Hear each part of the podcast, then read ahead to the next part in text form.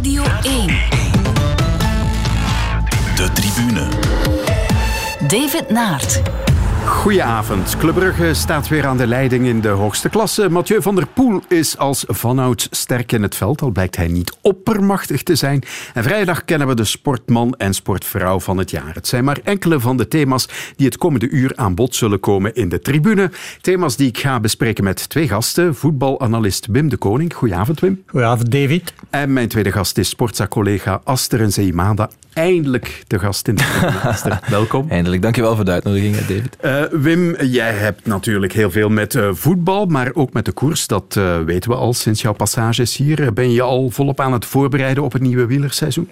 Maar toch wel een beetje, moet ik zeggen. Hè? um, ja, maar goh, ik doe dat zo wat hoe zou ik het zeggen, niet te strikt. Het moet nog een beetje plezant blijven, maar ik let er wel op dat ik niet te veel kilo's bijkom uh, in de winter. Ik heb vandaag bijvoorbeeld met de mountainbike kilometer of 60 gereden. Okay. Uh, ja, absoluut. Uh, dat is straf. Ja. Hij doet er nog hoeveel, aan. Ja. Hoeveel ik, dagen in de week, Wim? Oh, in het seizoen en als het goed weer is, bijna alle dagen. Hè. Okay. Ik heb er ook de tijd voor af en toe. Uh, maar um, goh, lopen kan ik niet meer. Vandaar dat dat fietsen voor mij toch wel heel erg belangrijk was, omdat ik graag sport en mij niet zo goed voel als ik niet kan bewegen. Mm -hmm. uh, en als ik niet kan fietsen, dan ga ik wandelen. Uh, dat is al een beetje, ja, hoe zou ik het zeggen? gezien de leeftijd is dat niet zo, ja, niet zo uit, uh, uitdagend, moet ik ja. zeggen. Maar uh, ja, zo'n wandeling van een 10, 12 kilometer op snelheid, dat doe ik ook nog wel graag. Maar lopen, dat gaat niet meer. Ja. Ben je van plan om uh, ook weer koersen te rijden komend seizoen? Ja, eigenlijk wel. Eigenlijk zou ik het heel graag weer doen. Uh, als er uh, weer meer wedstrijden zijn. En zo ziet het er toch naar uit dat er voor ons meer wedstrijden gaan georganiseerd worden. Dan zal de kriebel groot zijn om het inderdaad nog, eens, nog eens te doen. Ja. Ik moet zeggen, ja, winnen is verslavend als, als wielrenner. Ja. Niet dat ik zoveel win, dat wil ik niet zeggen. Maar de keren dat je wint... Ja, ik heb negen keer gewonnen, denk ik, op, op tien jaar. Ja, dat is veel, ja, een, eentje, eentje per jaar. Uh, en dat is dan toch wel kicken, moet ik zeggen. Ja, ja. hopelijk uh, eentje erbij in 2021. Ja, uh, Aster, we kennen jou als een echt voetbaldier, mag ik wel mm -hmm. zeggen. Met het ja. allergrootste respect natuurlijk. Maar ik vraag me af, zijn er nog andere sporten dan voetbal die jou kunnen bekoren? Maar natuurlijk, als, als journaalanker heb je een breed interesse in alle uit sporten. Uit het hart, spontaan. Uit het hart. Ik heb nog koersen gereden, dat weten heel weinig mensen. Ik heb nog gekoerst, ja, op mijn, op mijn zesde jaar heb ik een zomervergunning aangevraagd bij de Wielerbond. En heb ik vijf koersen gereden in de maand juli, tussen mijn voetbalseizoenen bij Eendracht Aalst door. En ik heb één koers uitgereden dat klinkt onnozel voor mensen die niks kennen van koers, maar als je begint met, met koersen rijden, is dat je enige doel. Gewoon even in de buik van het peloton uh, zitten en, en er blijven aanhangen. En één keer is mij dat gelukt in Breendonk. Ik ga dat nooit vergeten, de kermiskoers daar. Ik was 33ste.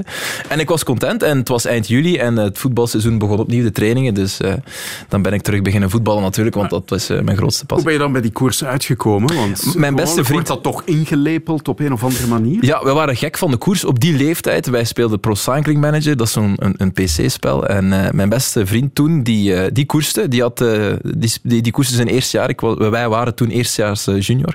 En ja, ik was gebeten door de koersmicroben, gespaard voor een fiets, gekocht in Harelbeke nog. Ik heb allemaal heel levendige herinneringen. Er is trouwens ook één foto van die ik niet ga delen, want kom, kom, vreselijk. het is er gelukkig radio. En ja, ik, ik was helemaal gebeten. En vroeger reed er, of reed er in, um, in Appels, bij Dendermonde, een uh, vrijblijvend peloton rond. Um, dat was op de dijk daar, van de Dender en de Schelde, denk ik, die daar samenkomen. En uh, nu mag dat niet meer, want dat werd te gevaarlijk. We reden door woonwijken en zo, maar dat was een ideale training op dinsdag en donderdagavond. En zo heb ik uh, ooit vijf koersen gereden. Ik ben er nog altijd trots op dat ik er eentje van heb kunnen uitrijden. En waarom is het bij vijf koersen gebleven? Omdat ik meer talent had als, uh, als voetballer en dat, ik deed dat ook liever. En ik, uh, ja, ik wou ook geen 15 jaar uh, voetbalcarrière op dat moment, of wat zal het geweest zijn, 12, 11 jaar, zomaar weggooien. Mm -hmm. En ik zat heel graag in Aalst. Maar ja, ik heb er toch van geproefd, dus dat is mijn, mijn tweede sport, zonder twijfel. Oké. Okay. Zullen we eens beginnen met de momenten van de ja. week? Aster, jouw moment komt dan toch uit het voetbal. Thomas Henry die schuift nog een plaatsje op in de stand om de topschutters. Want die komt nu helemaal alleen op de tweede plaats te staan. Achter Onuachu. Schitterende wedstrijd. Ligt altijd op vinkenslag. De Fransman die van Tubeke overgekomen is een paar seizoenen geleden naar Oud-Heverlee Leuven. C'est votre dixième match d'affilée où vous vous appliquez dans au moins un but. Il n'y a que deux joueurs dans les dix meilleurs championnats européens euh, qui ont fait euh, mieux ou autant euh, cette année. Vous avez une idée de qui sont ces, ces deux joueurs Pourtant, ils sont assez connus. Ouais, Cristiano. Ouais, déjà. Hein Messi. Non, le deuxième, c'est Kylian Mbappé. Mbappé bon. Donc, vous êtes à la hauteur de Ronaldo et Mbappé aujourd'hui pour cette stat Ouais, que aujourd'hui alors. Ja, dat was Thomas Henry van Oud-Heverlee Leuven. Hattrick uh, gescoord dit weekend. Een tien opeenvolgende wedstrijden bij minstens één doelpunt betrokken. En daarmee vertoeft hij in select gezelschap. Ja, dit jaar even uh, straf als, uh, als Ronaldo en Mbappé. Dat, ik, ik, ik heb zaterdagavond de uitzending gepresenteerd bij de rechtenhouder. En dat was heel straf toen wij die statistiek binnenkregen. Het is maar een statistiek natuurlijk. Maar ik was danig onder de indruk van uh, eigenlijk de hele wedstrijd van Oud-Heverlee Leuven. Vooral het wedstrijdmanagement dat ze, dat ze hadden. Uh, Mark Brijs spreekt al enkele weken over dominanter voetballen. Um, had dat ook gezegd na de zege thuis tegen Club Brugge, dat hij dat toch liever en, en wat vaker zou willen zien van zijn elftal. Want wel, wel, wij dachten tegen Kortrijk, op Kortrijk is zo'n moment, maar eigenlijk deed hij het heel behoudend. Ja, de aard van het beestje van Leuven is counteren en dat, dat merkte je, dat ze daarin het beste zijn. En in de eerste helft lagen ze eigenlijk onder, maar je merkte hoe ze begonnen aan de tweede helft dat dat allemaal maar schijn was. Ze hadden eigenlijk alles onder controle en de manier waarop ze voetbalden in de tweede helft zo uitgekookt, met als speerpunt Thomas Henry en natuurlijk ook met uh, draaischijf Xavier Mercier, die ja. een uh, ongelooflijk seizoen, uh, ongelooflijke statistieken ook kan, kan, kan voorleggen. Maar die Henry, het was een loopzuivere hattrick, rechts, links en met de kop en 1-1 helft. En hij kan meer dan doelpunten maken alleen, want bijvoorbeeld op het einde van, van de wedstrijd was er een moment waar hij de hattrick kon maken. Hij had toen op dat uh, moment alleen nog maar twee doelpunten gemaakt. En hij, uh, in plaats van te schieten, wat iedereen dacht, geeft hij een fantastische bal. Een uh, lage voorzet op ja. Sowa, die ja. zelf verrast was, want hij stond buiten spel. Uiteindelijk wordt het doelpunt afgekeurd. En later gaat hij dan nog de 0-3 maken. Dus ik was enorm onder de indruk van hem. Zeker eerste jaar, eerste klasse. Dus dat, dat je dat meteen zo kan doortrekken, vind ik wel straf. Ja, het is zo dat de manier van voetballen is gekend van Oud-Heverlee Leuven. en toch laten de tegenstanders er zich aan vangen. Hè.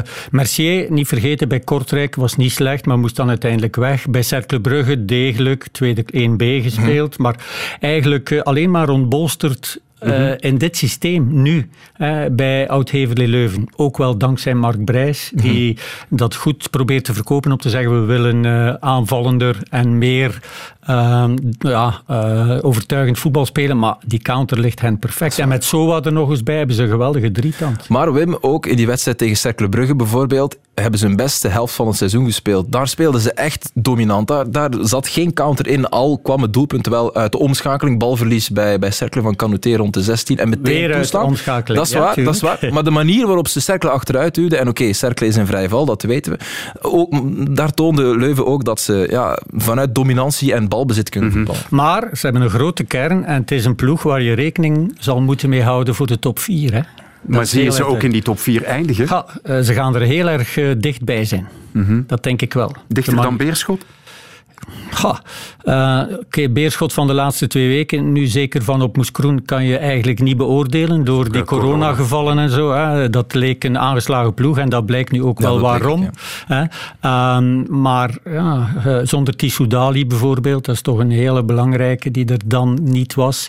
Uh, dan zie je toch wel, en een Holzhauser die nu ook ziek is, hm. zie je toch wel dat ze heel erg afhankelijk zijn. Evengoed is Oud-Heverlee Leuven ook afhankelijk van Soa, die we toch ook niet mogen vergeten. Nee, heel En, uh, ja, ja, en, en Mercier. Uh, maar daarachter zit het wel heel goed in elkaar. Ze hebben ook een ongelooflijk goede keeper met Romo. Dus ze kunnen zich uh, veroorloven om dicht bij een eigen doel te spelen. En Mercier wordt een ongelooflijk goede voetballer op het moment dat hij in dit systeem kan voetballen. Dus ik denk dat Brijs niet zal veranderen en dat ze toch elke week gaan proberen de tegenstander in de val te laten lopen. Ja. Ja. Oké, okay. dan gaan we eens luisteren naar jouw moment, Wim. Club Brugge blijft in balbezit. Met Okereke op de rechterkant. De bal moet komen. Een goede voorzet. Nee, die is niet goed. Maar daar is Vormer. Oh, mistrapt zich. En dan nu de trap. De onderkant lat. De onderkant van de lat. Charles de Ketelaar had het weer bijna gedaan. Tegen de onderkant van de lat. Stel je voor dat Club Brugge hier nog die bal binnen schiet. Niet te geloven. Ja, het was bijna een verlengd verblijf in de Champions League voor Club Brugge. En dat zou dan dankzij Charles de Ketelare geweest zijn. Ja, en ook uh, het was minder uh, vloeiend dan vorig jaar. En ook in de Belgische competitie is er minder glans bij Club Brugge dan mhm. vorig seizoen. Uh, maar ze blijven zeer degelijk. Hè. En um, ja, het was een beetje raar. Ik zat te kijken naar die wedstrijd met tien. Uh, het was niet goed. Ze, ze kregen amper kansen. Um, ze kwamen wel snel op die 1-1. Uh, Reina ging dan in de fout. Dan zag je wel dat hij te kloppen was als keeper. Absoluut. En... Um, ja, en dan deed Pippo Inzaghi, de coach van Lazio, iets heel raar. Bij een voorsprong op de 78ste minuut verving hij drie spelers tegelijkertijd. En eigenlijk zijn drie betere. Hij bracht er ook drie goeie, daar niet van. Maar binnen de twee minuten, ik dacht van, oh, wat als er nu een tegendoelpunt valt? En binnen de twee minuten scoorde Hans van Aken de aansluitingstreffer. En dan zie je, ook als je met een man of twee man meer staat, dat je mhm. als ploeg achteruit kruipt, dat die schrik erin komt. En dat was zo bij Lazio. Dit was een uitgelezen moment voor club om door te stoten naar de, naar de groepsfase, of naar de eindfase van de Champions League. Goed, een paar uh, wat is het, centimeter heeft het gescheeld. Uh, Philippe Clement was heel erg tevreden, maar ik denk dat ze toch nog wel eens zullen terugkijken. Anders, ja, Lazio speelt tegen Bayern in de Ja, dus was, was het sowieso afgelopen. Ja, sowieso afgelopen. Maar zou het misschien ook wel heel erg interessant geweest zijn. Ja. nu gaan ze heel erg veel, um, hoe zou ik het zeggen, ambitie hebben in die Europa League 1. En moeten ze misschien ver geraken in de Europa League om een rechtstreekse plaatsing voor de Belgische kampioen volgend jaar in de Champions League. Ja, dat is waar. Uh, ja, te behouden. Anders moet er weer een voorronde gespeeld worden, zoals we nu voorstaan. Dus ze hebben een beetje hun lot in eigen handen als ze al in België uh, kampioen worden natuurlijk. Maar daar ga ik wel van uit. Over die Europese loting gaan we het straks nog hebben. Eén uh, woordje misschien toch ook over uh, Charles de Ketelare. hij is een van de drie genomineerden voor belofte van het jaar. Want deze week ook verkiezing van sportman, sportvrouw van het jaar. staat hij daar op zijn plaats naast Thibaut Nijs en Grégoire Munster. En wat die laatste betreft moet ik er zelf aan toevoegen voor het grote publiek en tot een week geleden mezelf, dat is een rallyrijder. Ja, ik denk dat het moeilijk is voor ons nee, om, om, die, om die jongeman zijn kwaliteiten precies in te schatten. Maar ten opzichte van een Thibonijs denk ik dat de belofte van Charles de Ketelaar op het hoogste niveau bij de mannen toch al meer ingelost is dan, dan Thibaut, die, die zijn streng trekt, maar die toch niet op de plaats staat waar Charles nu staat. Nee, hij heeft uh, op uh, heel korte tijd enorme progressie gemaakt. Een beetje meid voor alle werk. Als je linksachter kan spelen en diepe spits, dan heb je bepaalde kwaliteiten die een ander niet heeft. Is ook een heel erg rustige jongen, lijkt mij. Heel down to earth. Um, en ik denk als hij die goal had gemaakt in, uh, in Lazio, dat hij ook kandidaat gouden schoen was. Mm -hmm. Want ja, als je drie keer scoort als 19-jarige eh, voor een Belgische ploeg in de Champions League en je kwalificeert daardoor je ploeg voor de volgende ronde, ja, dan heb je wel iets gedaan wat weinig mensen tot nu toe je voorgedaan hebben. Zo heeft en dat op die leeftijd. ook uh, gewonnen. Hè? Dankzij zijn uh, prestaties in de Champions League ja. heeft Dennis Praat in de tijd ook uh, gewonnen. Dus. ja, en pas op, Dennis Praat, en dat is toch wel heel erg opvallend als je moet gaan stemmen voor een gouden schoen. Wat je doet in eh, december is heel erg belangrijk. Als Praat de gouden schoen heeft gewonnen, herinner ik mij, was hij aan een matig seizoen bezig. Maar in december kwam hij er helemaal hmm. door, scoorde hij vijf keer voor Anderlecht. Voilà, en dan was hij opeens gouden schoen. Ja. Uh, maar de ketelaar heeft wat dat betreft wel um, ja, meer regelmaat aan de dag gelegd. Ik heb hem één minder match zien spelen met de Belgische U21. Ja, op, op Montenegro? Molda op Moldavië, op Moldavië. Ja, die heb ik ook gezien. Ja, helemaal ja. de mist in. Ja. ja. dacht je van, oei, wordt wat veel voor Charles. Maar uh, drie dagen nadien scoorde hij voor club, uh, denk ik, met, een heel belangrijke, in een heel belangrijke wedstrijd weer al, op, opeens een doelpunt, beslissend doelpunt, was hij er helemaal over. Dus het is een jongen die um, weinig druk ervaart en, en heel veel kwaliteiten heeft. De tribune. Racing Genk verloor dit weekend van Anderlecht. Club Brugge ging makkelijk winnen, moeten we toch wel zeggen, op Antwerpen. En zo staat Club na 16 speeldagen aan de leiding in de hoogste klasse. Uh, ja, hoe moeten we Club Brugge nu inschatten, Bim? Je had het er daarnet al over. Het is met wat minder glans, maar ze staan daar wel. En ik hoorde uh, Peter van den Bent vanochtend in zijn wekelijkse analyse zeggen ja, voor de concurrentie was het gisteren zo namiddag van waar je alleen maar kan zuchten en hopen dat je dan maar de eerste bent achter Club Brugge. Ja, dat is duidelijk. Wordt dat het verhaal van het seizoen? Denk het wel. Vorig jaar was dat nog uitgesproken. Nu zijn ze zwakker aan de competitie begonnen. Het werd een beetje op het gebrek aan uh, de twaalfde man gestoken. Mhm. Wat ze toch wel... Uh, als Charleroi en Beerschot uh, meteen verloren, die eerste twee Ja, ja, ja 0 op 6 als je zo start. Hè. Um, ook veel focus gelegd natuurlijk op die Champions League. Niet onterecht. een beetje gezocht naar de goede veldbezetting. Wat moeite gehad met covid ook. En, mm en ja, het was allemaal wat minder. Maar uh, wel acht punten in de, in de Champions League en nu weer aan de leiding. En dat is ook het logische gevolg van de grote kern, de kwaliteit die ze hebben. Clément, wat hij doet, uh, uh, heeft Mechelen een aantal keer naast die ploeg gelaten. Oké, die heeft ook covid gehad en, en is mm daardoor moeten terugkeren op een iets minder niveau, maar dat was toch verrassend. Ja. en ja, uh, ze hebben wat problemen voorin en dan los je dat op met, met Charles de Ketelaar. Uh, en Van Aken en Vormen waren allemaal wat minder. En dus voor de concurrentie uh, is het geen goede zaak dat zij daar nu al staan, want nu gaan ze nog verbeteren. Ze ik gaan wel, groeien. Ik vind wel, als we kijken naar de wedstrijd van uh, gisteren, ja, de omstandigheden na 16 minuten, die rode kaart. Ik vind nu niet dat de wedstrijd om te zeggen van kijk eens, Club Brugge is de grootste titelfavoriet. Dat wisten we al voor het seizoen, denk ik. Als je alleen al kijkt naar de kwaliteit in de kern.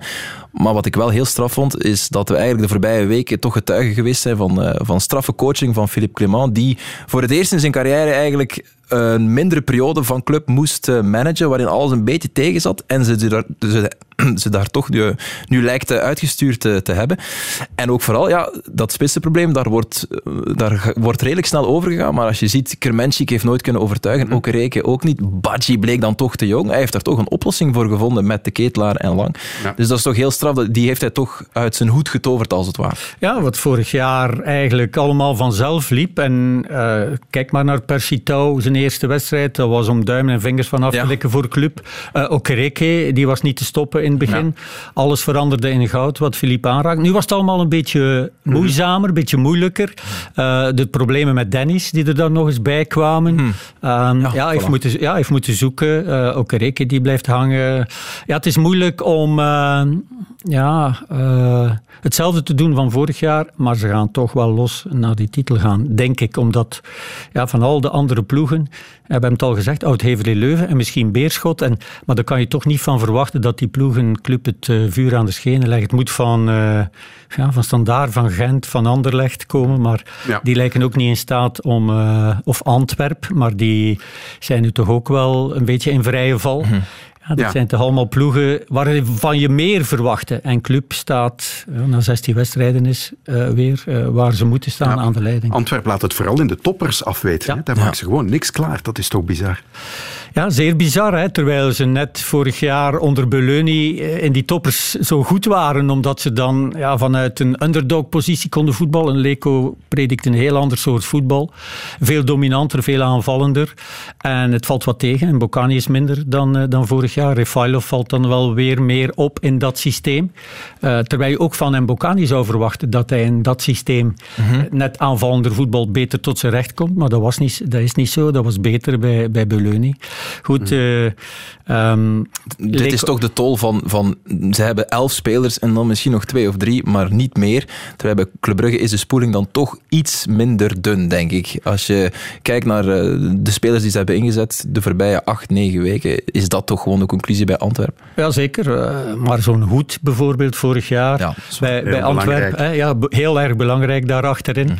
Hm. Um, ja, ze konden ene clean sheet na de andere. Bolat, die ook nog wel op hoog niveau keepte af en toe. Klopt. Uh, en nu hebben ze daar toch ook weer ja, moeilijkheden, ga ik niet zeggen, maar ja, er is een keeperprobleem aan het ja, ontstaan. Zelf gecreëerd. Ja, ja, zelf daar, gecreëerd. Ja. Daar ging het inderdaad over. Uh, op die persconferentie na de nederlaag tegen Club Brugge gisteren zei Ivan Leko dit over zijn doelman Bayram Vant. This was a risk, I took it on myself. This was a bad decision. Everybody said so. It is like this. We said before the game. We had two two first keepers. One who was very good, and then we were gambling. Uh, maybe if other one can be top, but he was not top. Bayram Vant was niet top. Ik heb verkeerd gegokt. Is hij een keepersprobleem aan het creëren? Opnieuw? want hij is niet aan zijn ploeg. Nee, nee, nee. In Brugge heeft hij er op een gegeven moment vijf gebezigd. Hè. Het kampioenjaar. Ja, ja, ja. En niemand was goed genoeg.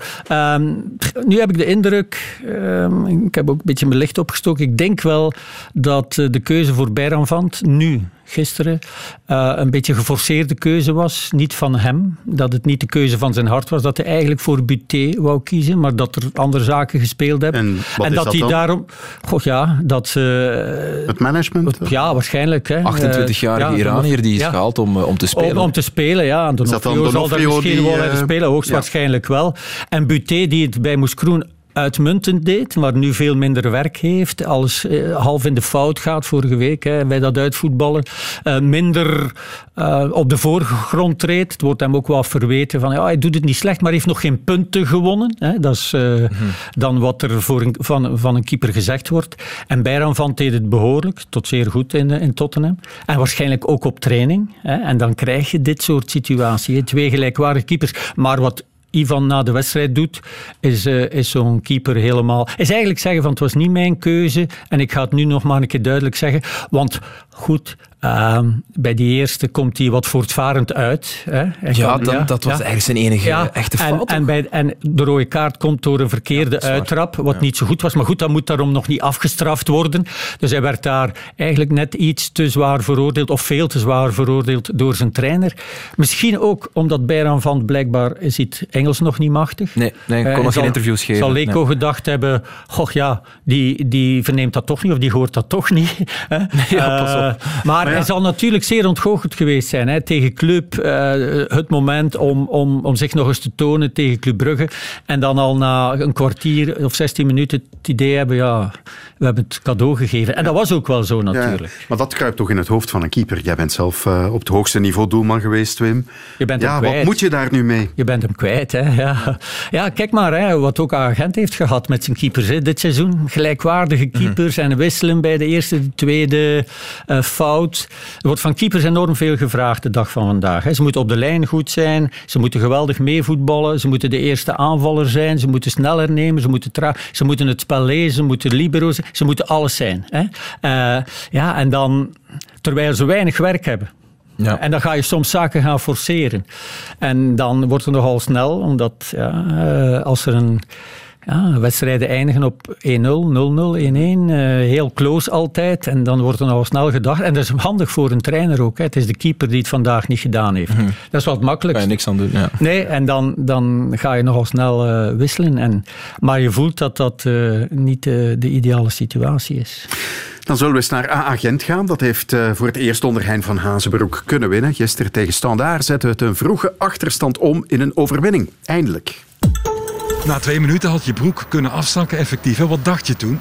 Nee, mijn broek zakt er niet vanaf. Ik ben, ik ben, uh, ik ben content als ze scoren na twee minuten. Want dat zijn situaties die je meemaakt als het slecht gaat. Hè. Je kan daar niemand met de vinger wijzen op die fases. We hebben dat omgedraaid. Dat toont ook de mentale weerbaarheid van de groep. En daar ben ik heel tevreden over. Er was ook veel meer communicatie vandaag dan de vorige matchen. Dus ja, er zit duidelijk een, een positieve lijn in. Maar we zijn er morgen gestart. Hè, dus uh, laten we uh, rustig blijven, voeten op de grond houden. Dit waren drie belangrijke punten. De matchen volgen elkaar nu heel snel op.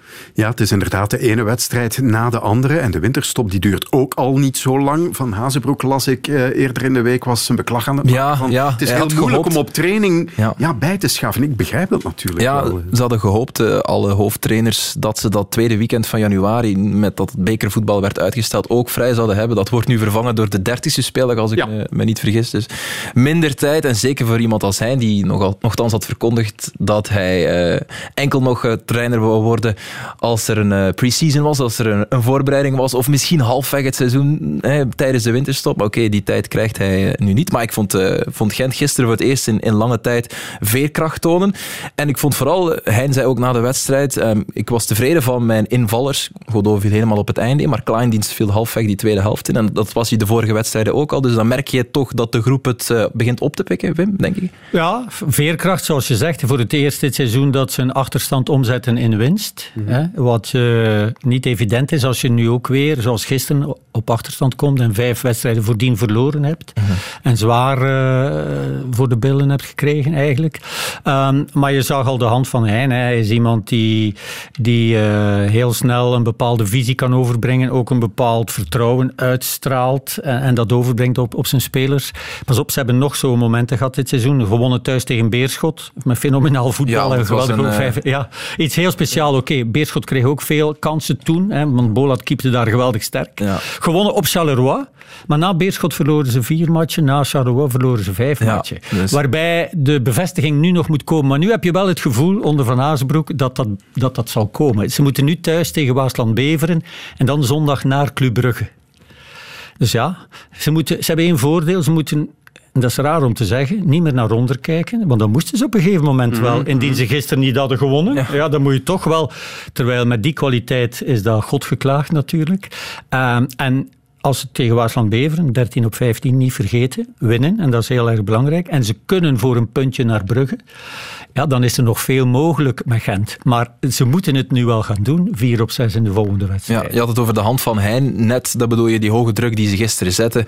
Want ze vielen daar bijna neer van vermoeidheid rond minuut 60 en 70. Ik vond ook wel, dat middenveld, dat leek me voor het eerst eigenlijk wel te klikken met Dors, Vadis natuurlijk, die fantastisch speelde, en, en, en Kums. Die drie, en die Dors als een, de meest moderne der, der zessen eigenlijk voor die verdediging. Want eigenlijk op zich geen, eh, geen, geen typische bijter, maar leidt dat, leidt wel wat doelpunten in, hè, die goh, 2-1. Dat, dat af en toe hoge druk zetten heeft, heeft geresulteerd Ja. in, eh, in de winst uiteindelijk. Ik moet wel zeggen, Standaard was onvoorstelbaar zwak. Ja, dat is, eh, viel geweldig tegen. Het zal ook wel de verdienste van Gent geweest zijn. En je zei het, eh, Aster, 60ste, 70ste minuut leken ze helemaal kapot. ja, dat was niet van de wedstrijd in eh, Hoffenheim. Want daar er stonden er maar vijf aan de aftrap Ja. gisteren in vergelijking. Maar blijkbaar is er de laatste seizoenen, of het laatste seizoen, niet zoveel gedaan aan de fysieke conditie van de Gentspelers. En dat is iets waar Rijn van Aasbroek gaan moeten mee dealen. Ze hebben ook nu Stijn Matthijs teruggehaald Ja. als, als physical coach uit de B-kern. Waarom die daar naartoe verdwenen was, weet ik niet. Want ze hebben met Gino Kaan ook een physical coach.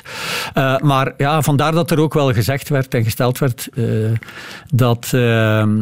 Torop zo graag gezien was door zijn spelers, omdat ze nogal zijn de zin zwaar. mochten doen, omdat het niet te zwaar was. Ja, en dat dat nogal in de lijn lag van een aantal spelers. Dus hij, eh, daarom is hij ook lastig, denk ik, dat ze daar, wanneer is het op 9 januari Ja. moeten spelen. Hij had graag nog een soort voorbereiding gemaakt, waardoor ze vooral fysiek gingen werken. Want zijn spelstijl en, en zijn manier van voetballen gaat hij er sowieso snel in krijgen. Fysiek is dat altijd een, iets anders natuurlijk. En dat zal blijkbaar wel nodig zijn als ze dat hoge tempo willen blijven aanhouden. Ja.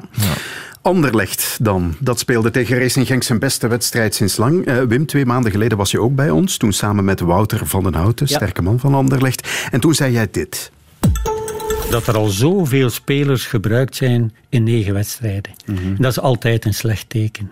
Of nooit een goed, laat mij het zo stellen.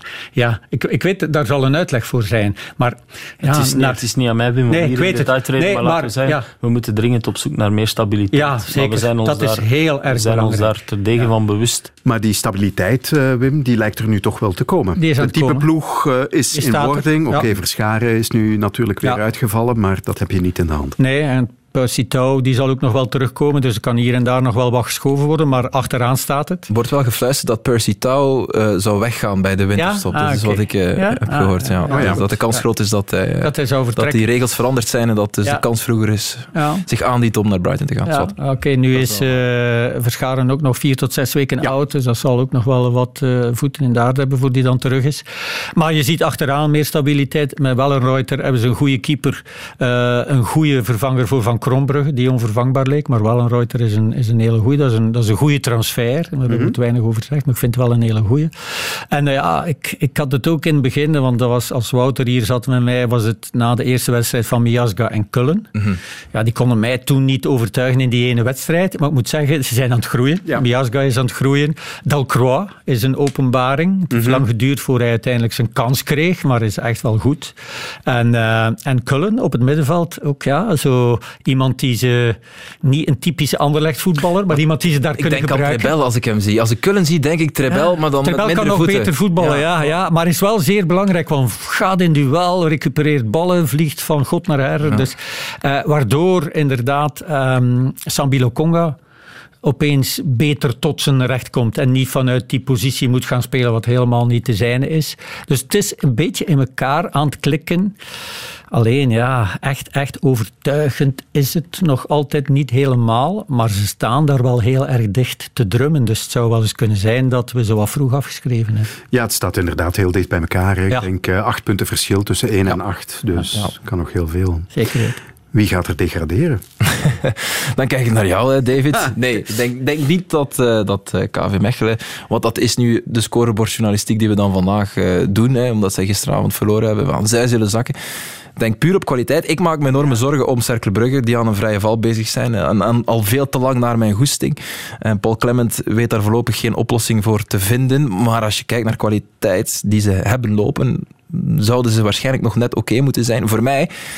Ze hebben heel veel geluk dat het een goede blijkt te zijn, die Georges Simao bij Moeskroen. Maar als je alle kwaliteiten van alle kernen naast elkaar legt, zijn zij volgens mij nog altijd eh, het zwakke broertje. Klopt. Wat mij betreft ook. Hè. Eh, ze wonnen tegen Beerschot, terwijl ze het eerste uur, denk ik, geen twee keer een paas vooruit hebben kunnen geven, na elkaar. Hè, Achteruit, dat ging nog soms wel, maar als ze de bal hadden, waren ze die onmiddellijk weer kwijt.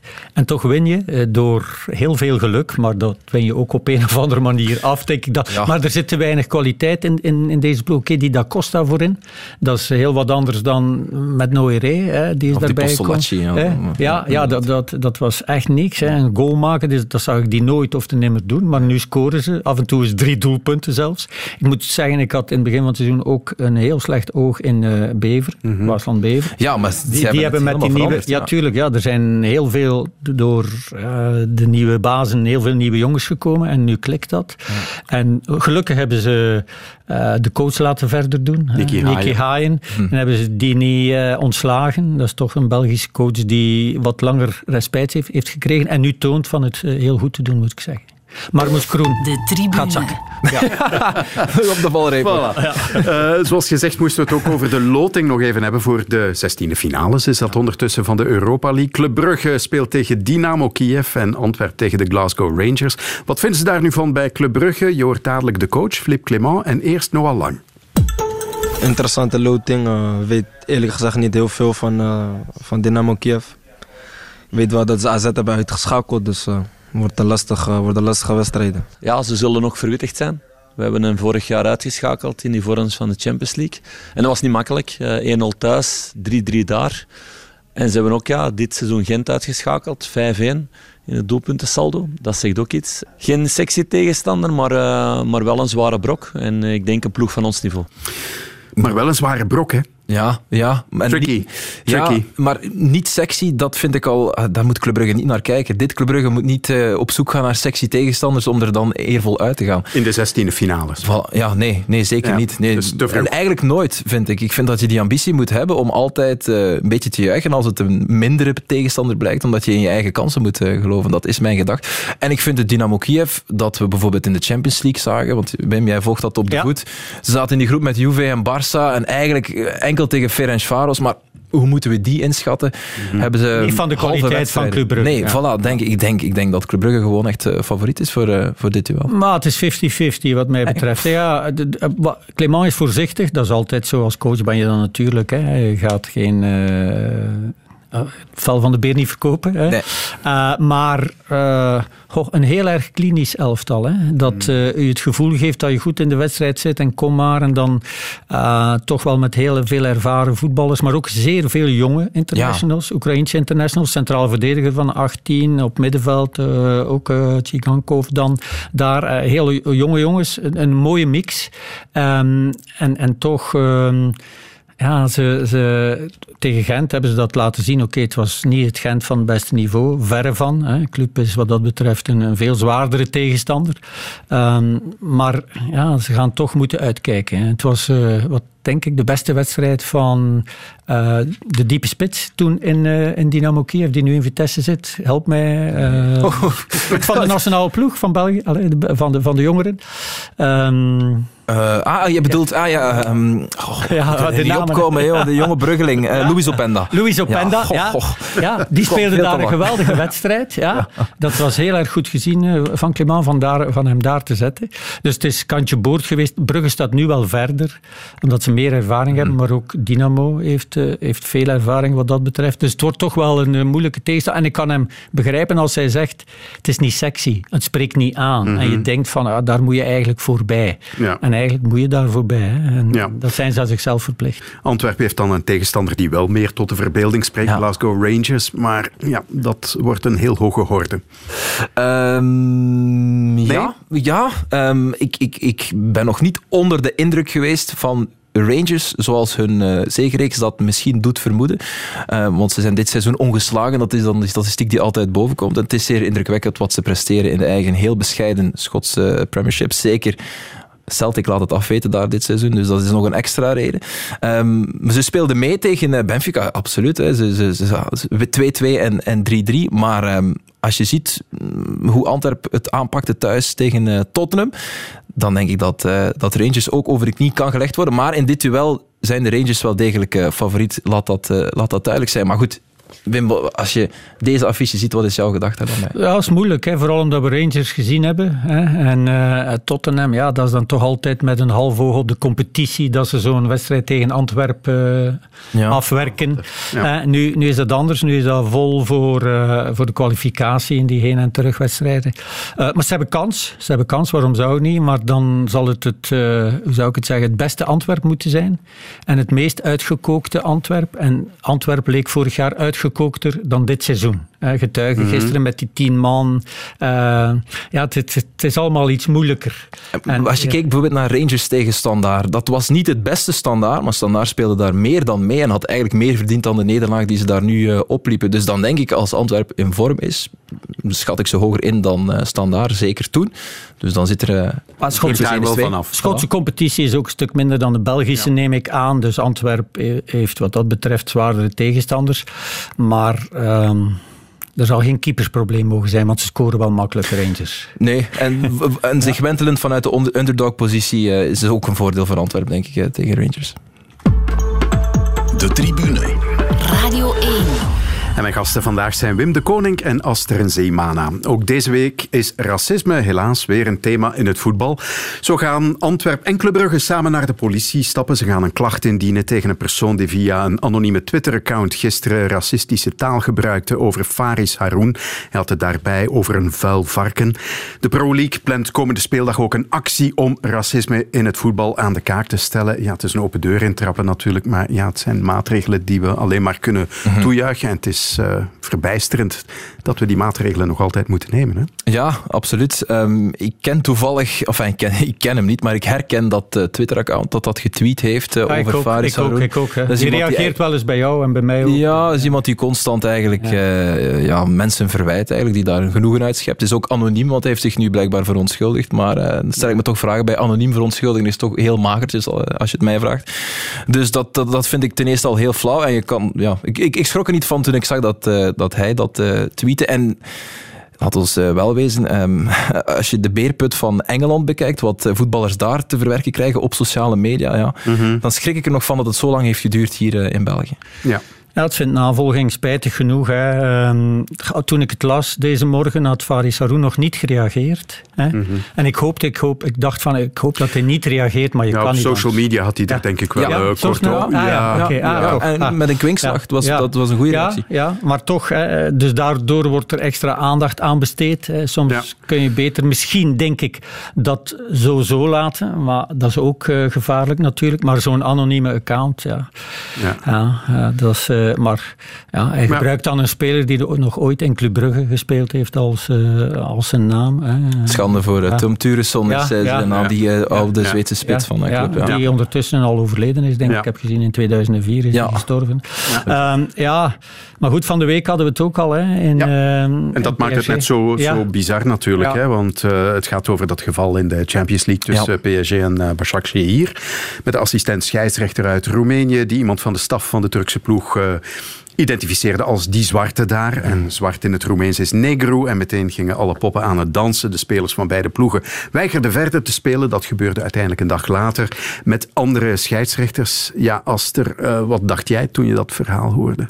ik was de uitzending aan het presenteren hier op, uh, op Radio 1. En eerst, wat is daar precies gebeurd? Dat ze van het veld stappen. Ik, ehm, ik was heel blij en nog altijd eigenlijk met de reactie van zowel Bashak hier, maar vooral uh, Paris Saint-Germain, dat ze meteen van het veld zijn gestapt. Um, het enige wat ik. Uh, wat, wat, dat vind ik de juiste reactie voor de duidelijkheid, omdat het in het verleden niet is gebeurd en dat er al heel veel gevallen zijn geweest waarbij niet van het veld maar is was gestapt. het racisme? Voilà, maar dat is mijn tweede punt. Ik denk dat het. Um, ja, dit geval, ik denk niet dat, het een racistische, of dat er een racistisch motief achter zat van, uh, mm-hmm. van de vierde scheidsrechter. Ik denk dat dit een, een, een bijna Babylonische spraakverwarring is. Ja. Maar, en dat vind ik dan ook wel getuige van een, eh, een, onwetendheid bijna, uh, is dat hij zich ook niet bewust is van de gevoeligheid en de, de lading die achter die woorden kunnen zitten. Um, het, is ja. Niet, ja, de, de, het is niet gewoon maar die zwarte daar. Het is ook de manier waarop het gezegd wordt.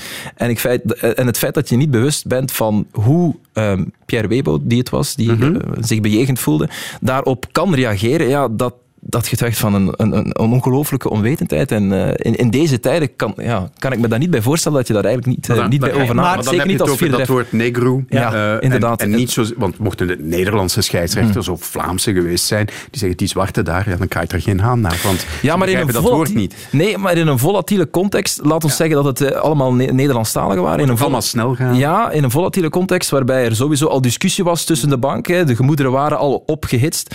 Als je dan zegt, die zwarte daar, dan kan dat um, verkeerd uh, geïnterpreteerd worden. En dat mm -hmm. is niet de schuld van de, de bejegende dat hij zich dan, of dat hij lange tenen zou hebben. Nee, dat is de schuld van al heel vele malen racisme in het verleden. Maar dat is het. Hè. En dan is het goed dat er zo'n actie komt. Alleen vond ik dit nu wel verkeerd getimed. We wisten dat dat ooit eens ging gebeuren, maar ik denk dat er andere aanleidingen al geweest zijn en duidelijkere vormen van racisme Aster, mm, denk ik, ja. om dat ja. te doen. Ja, toch? Nu, nu, en, nu, zaten ze, je had het gevoel, ze zitten te wachten op iets soortgelijks. Hè? Dat, en dat Webo, ja, ik weet dat niet. Vind, dat vind ik verkeerd uitgedrukt. Ja, Webo, ja, maar Webo was wel degene die naar de tribune ging gestuurd worden. Dus die had zich op een of andere manier misdragen. Hè? Mm. Dus ja, en dan komt die scheidsrechter vragen wie is het? En dan moet je wel iemand aanduiden en dan heeft hij, ja, een, een, ja wat heeft hij gezegd? Die zwarte mens daar, of die zwarte. Mm -hmm. En dat is helemaal verkeerd, in het verkeerde vooral bij Dembaba, die dan zegt, ja, je mag hem zo niet aanspreken. Ja. ja mag je dan zeggen, als er allemaal donkere medemensen bij elkaar zitten op die bank en er zit één blanke, mag je dan die benoemen als die blanke? Dat, dat mag je. Ja. Baba is ja. redelijk activistisch ja. daarin. Voilà, hij was, ja. John Barnes, was precies alsof Barnes bijvoorbeeld ja, voilà. ja, hoe moet je hem anders noemen? Ja, hoe moet je hem anders noemen? Dat was ook mijn gedachte op dat moment. Dus, Alleen, ik vind het helemaal verkeerd. Hè. En wat, als, wat je dan vandaag leest over Faris Haroun, ja, dat is afgrijzelijk. dat, is, dat, is, dat is verschrikkelijk. Maar, maar wat moet de UEFA hier nu mee doen? Want ze gaan dit grondig onderzoeken. Maar ja, moeten ze die man nu straffen? Waarom dan? Die vierde scheidsrechter. Ja. Ik, denk, ik denk dat dit een, een, geval is waarbij dat die man eigenlijk stond al op het einde van zijn carrière. Want sowieso de ogen zijn meer... op de UEFA gericht. Hè? Want uh, de volledige internationale pers, uh, racisme, racisme, racisme. Dus die hebben het proces al gemaakt van de man. Dus, ja, net omdat zijn proces al gemaakt positie, is, denk ik dat, uh, dat het, het, het, Ik zie de UEFA daartoe nog in staat. Het slechtste wat ze nu zouden kunnen doen is hun staart intrekken en wijzen naar Pierre Webo. En, en de mening verdedigen van ja, het was toch ja. geen racisme, dus van het veld stappen en in de kleedkamer blijven achteraf. Geen goed idee. Dat is het allerslechtste dat ze kunnen doen. Maar ik denk dat het proces van die man al uh, gemaakt is. En ik denk het allerbelangrijkste is de symboliek van deze actie. Ik denk niet dat ze erop zaten te wachten. En ik denk dat uh, het, het, uh, ja, het gebaar van Başakşehir en PSG ook anderen in de toekomst bij wel nog veel meer racistische gevallen. Oerwoudgeluiden bijvoorbeeld. Ja. Daar zouden de ja. ploeg eens een keer van het veld moeten stappen. Absoluut. Zoals van Balotelli proberen te overtuigen om toch maar op het veld te blijven, wat compleet verkeerd Absoluut. was. Dat is Italiaanse competitie. Heel juiste co conclusie. We hadden een Belg, en hebben nog altijd een Belg natuurlijk ook hè, bij Başakşehir, Nasser Chadli. Ja. Die was donderdag te gast op BBC 5 Live. What was the atmosphere like in the dressing room when you went back? Was it anger, sadness, something else? I think everything, everything, because uh, we're in 2020 now, and um, that kind of uh, incidents is uh, is very hurtful for all of us. I'm also a foreigner. In every country, you face uh, racism uh, during your childhood, uh, as a teenager, and also as an adult. So I, I was feeling very sad, and I think like all the players also in the dressing room we were feeling very sad about the situation that happened. Nasser Charlie over het racisme waarmee hij zelf te maken kreeg in zijn jeugdjaren, maar ook uh, in zijn volwassen jaren. Aster, je hebt zelf ook uh, gevoetbald. Heb jij dat zelf ook ervaren ooit? Um, ik vind dat er een heel groot verschil is tussen racisme van langs de zijlijn of van spelers uh, onder elkaar. Ik heb dat al een paar keer uitgedrukt. Um, ik ben zelf een voetballer die af en toe wel eens verbaal, verbale middelen gebruikt om, om iemand te destabiliseren. Ik heb dat vroeger wel veel gedaan. En dan, uh, dan heb ik wel eens dingen naar mijn, uh, naar mijn hoofd geslingerd gekregen, omdat ik zelf eerst uh, niet zo fraai taalgebruik hanteerde. Dat valt voor mij niet onder de noemer racisme. Ik heb het geluk gehad, nog niet. Ik hoorde Gunther van Andenhoven onlangs een verhaal opdisselen over zijn, uit zijn jeugd bij KNV Mechelen. Dat soort gevallen. Of Romelu Lukaku natuurlijk, die dat heel vaak heeft meegemaakt. Dat heb ik nog niet meegemaakt. ik heb wel gehoord van andere jeugdploegen bij Eendracht Aanst waar dat het geval was. En dat, dat zijn momenten die ik niet vergeet. En ik was er dan zelfs nog niet bij. Maar ik persoonlijk op een veld uh, niet. Maar omdat ik vind dat dat niet onder de ja, lading racisme valt. Um, maar oké, okay, uh, daar, daar heeft iedereen zijn mening over. En, uh, dat, mm. dat, ja, het is pas erg als het wel van de zijlijn komt. ja, ik. dat vind ik iets helemaal anders. Ja. als je op het veld staat, spelen uh, onder elkaar. enkele manier goed te praten. Ja, nee, nee, totaal niet. En Wim, wat, wat heb jij niet allemaal al geroepen in jouw carrière?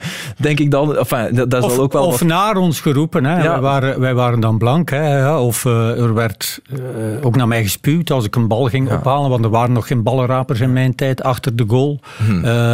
ja, dat gebeurde. Hè. Mhm. Uh, maar goed, dan werd die connectie met, met dat uh, racisme zeker niet gelegd. Hè. Dat Nee. was gewoon het proberen destabiliseren van... Ja, maar inderdaad, dat is veel te veel gebeurd hè, op, op voetbalvelden en op sportwedstrijden.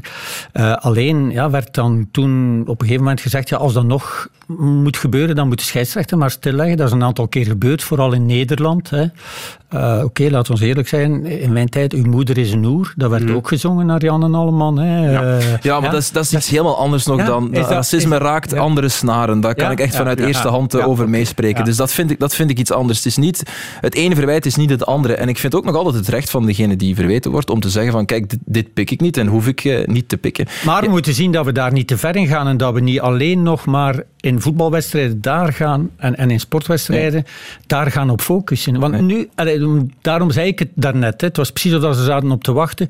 Zo op zo'n moment, oké, met Demba Ba die een geweldige voorvechter is, hè, want toen het opeens duidelijk werd dat hij gezegd had van oké, ja, dat is gewoon zwart voor... eh, in het Roemeens. Ja, ja. ja, zijn ze beginnen anders kijken en hebben ze gezegd, ja, maar ja, je gaat een blanke ook niet op die manier aanduiden. Dus dat is ook al racisme. Dus we moeten daar allee, toch wel opletten. Maar het is natuurlijk wel zo dat je kan, je kan mensen proberen te veranderen, maar groepen die dan samen in zo'n tribune zitten... Dat is die kuddegeest? Ja, kuddegeest, dat is heel erg moeilijk. Hè? Altijd we niet elke goed keer, praten, hè, Nee, voor nee, zeker niet. Maar als we elke keer van het veld gaan stappen... Ja, maar voor dan- mij wel, Wim. ja, als er, als er keer, ja. racisme is uit de tribune, stappen we van het veld. Volgens mij gaat het dan heel snel voorbij zijn. Mensen Maar betalen je moet het consequent blijven doen. Consequent, absoluut. En nu, volgend jaar, over tien jaar, over twintig jaar ook. Mensen betalen voor entertainment te bekijken in de Ja, tribunes. maar als, als, snel, als de als snel gaat weg zijn, dan over twintig jaar niet meer. Hè? Nee, dat is de hoop. Dat is de hoop. nee, ja, maar het is, een, het is ja. een probleem van de maatschappij. Dus Ja. het is niet aan voetbal om racisme op te lossen, maar wel om daar met een vol- op een volwassen manier mee om te gaan. Ja. Oké. En daarmee gaan we dat hoofdstuk afsluiten. De tribune. Want de tijd vliegt en we willen het nog over veldrijden hebben, want dat kon ons dit weekend toch wel bekoren, zowel zaterdag als zondag. Zaterdag vierde Mathieu van der Poel zijn rentrée in het veld met een overwinning in Antwerpen. En gisteren in Gaveren was het aan de vice-wereldkampioen. Pitcock wint in Gaveren en dat is een klassieker.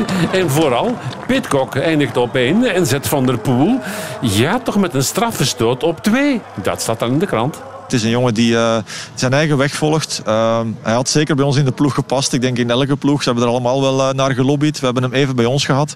Hij gaat gewoon in, in drie disciplines, zoals Mathieu van der Poel dat ook deed. Want ik verwacht hem misschien ook wel op de Olympische Spelen mountainbike. Gaat hij ook uitblinker zijn. Het is, het is een meerwaarde voor de cross, dat zeker. Tom Pitcock is, zoals Sven Nijs hier zei, een alleskunner. Want hij won dit seizoen ook drie etappes en de eindzege in de Baby Giro. Hij kan ook in het mountainbiken dus zijn mannetje staan. Gaat koersen voor Team Ineos. Dat is iets om naar uit te kijken voor elke koersliefhebber, Wim. Ja, zeker weten. Ehm, hij heeft nog wel eens bij de jeugd eh, de duimen moeten leggen in cyclocross voor Iserbiet. Wat eh, nu toch wel bewijst dat Iserbiet ook van uitzonderlijke kwaliteit is, zeker als cyclocrosser. Uh, maar voor de rest heeft Parijs-Roubaix gewonnen, hij is wereldkampioen tijdrijden geweest bij de jeugd, weegt ocharme 60 kilo. Ja. Dus ik denk op termijn en op korte termijn dat dat een grote rivaal wordt voor Evenepoel om de Ronde van Frankrijk te winnen. Denk je dat? Ik denk dat. Ja. Ik denk dat. Met zijn Vlaamse coach? Ja, goed, met zijn Vlaamse coach. hij weegt 60 kilo, hè. hij weegt 60 kilo en hij kan tijdrijden. Ja. Hij kan crossen. bergen over. Hij kan lopen. Hij kan lopen, hebben we gisteren gezien. Ja. Eh, De, die beensnelheid was, was onvoorstelbaar. Maar goed, dat hadden we al een paar keer gezien hè, van hem. Dat hij, eh, maar hij, wil, hij is traag aan het groen. Hij zei zelf, ik ben eh, volwassen geworden. Hè. Maar zaterdag ook, hij was heel slecht gestart in Antwerpen in de, in de cross, maar eindigde wel derde. Ja. Heeft een geweldige remonte gedaan. En gisteren, ja, wat was het? Eh, De eerste ronde ging hij al naar de kop.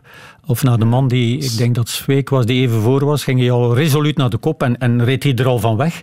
Zo van, gaat hij dat nu een uur volhouden? En dat heeft hij bijna gedaan. En ja, je had echt het gevoel, je ziet hetzelfde bij Van der Poel, dat hij rood aanloopt.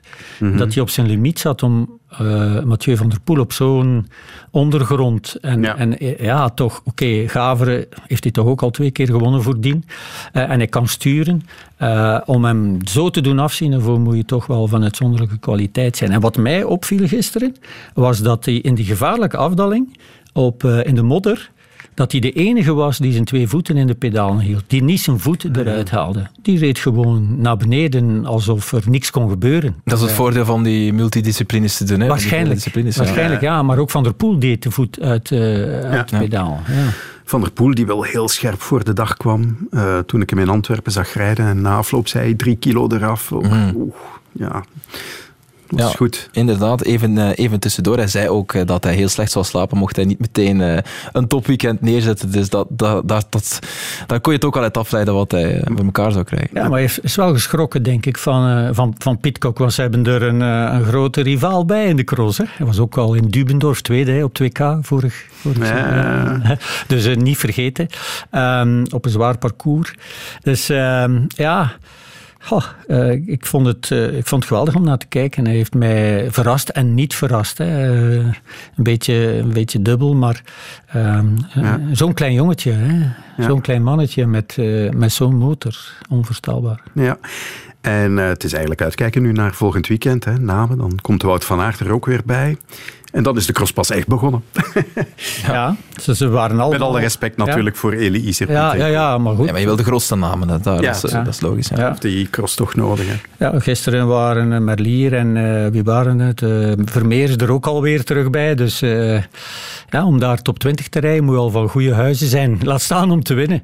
Maar eh, ja, Piet Kok, eh, ja, het, was, eh, het is afwachten of hij gaat bevestigen. Maar ik denk dat, eh, dat ze ervan overtuigd zijn. En Van der Poel vooral, van gisteren achter hem gereden te hebben, dat hij er eh, weer zal staan. En vooral als hij weer goed start. Hè, want tot nu toe was hij bijna in elke wedstrijd waar hij meedeed. Hij heeft al wat meer crossen gereden dan eh, Van der Poel. Slecht gestart. Mhm. En we zagen aan Iserbiet gisteren, als je een remonte wil doen, als je snel naar voren wil, na een slechte start, dat je zelf toch wel wat opblaast. Ja.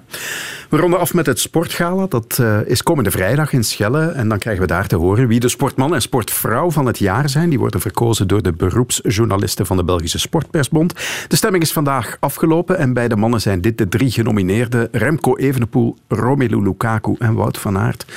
No prizes for guessing wie dit gaat winnen. Aster. Wout van Aert, eh, denk ik. eh, nee, ja, voor mij is het eh, Wout van Aert als grote voetballiefhebber. En wat eh, Romelu, Romelu Lukaku ook presteert.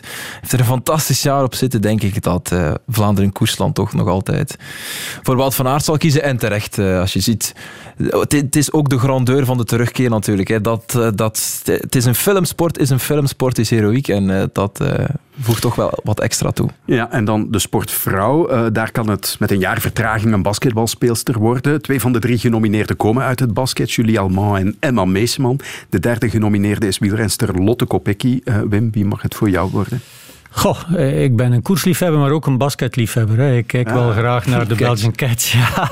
Eh, en, en Meeseman is toch ja, heel erg sterk. Alleen moet ik zeggen dat eh Allemand mij toch ook kan bekoren.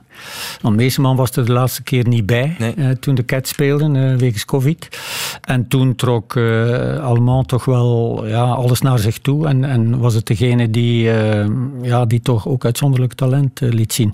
En Kopecky, we zijn blij dat er een opvolgster is voor Jolien Doren. Want dat vrouwenkoersen, dat gaat te veel naar Nederland. En de Belgen moeten daar ook beginnen een rol spelen. Oké, we zullen zien wie het wordt vrijdag. Ook tijdens de kerstvakantie is de tribune er, maar we klinken dan wel een beetje anders. Elke maandag brengen we dan een podcast waarin enkele gasten hun sportmomenten van het jaar mogen kiezen. Dat is dus al iets om naar uit te kijken de komende weken. Tot gauw.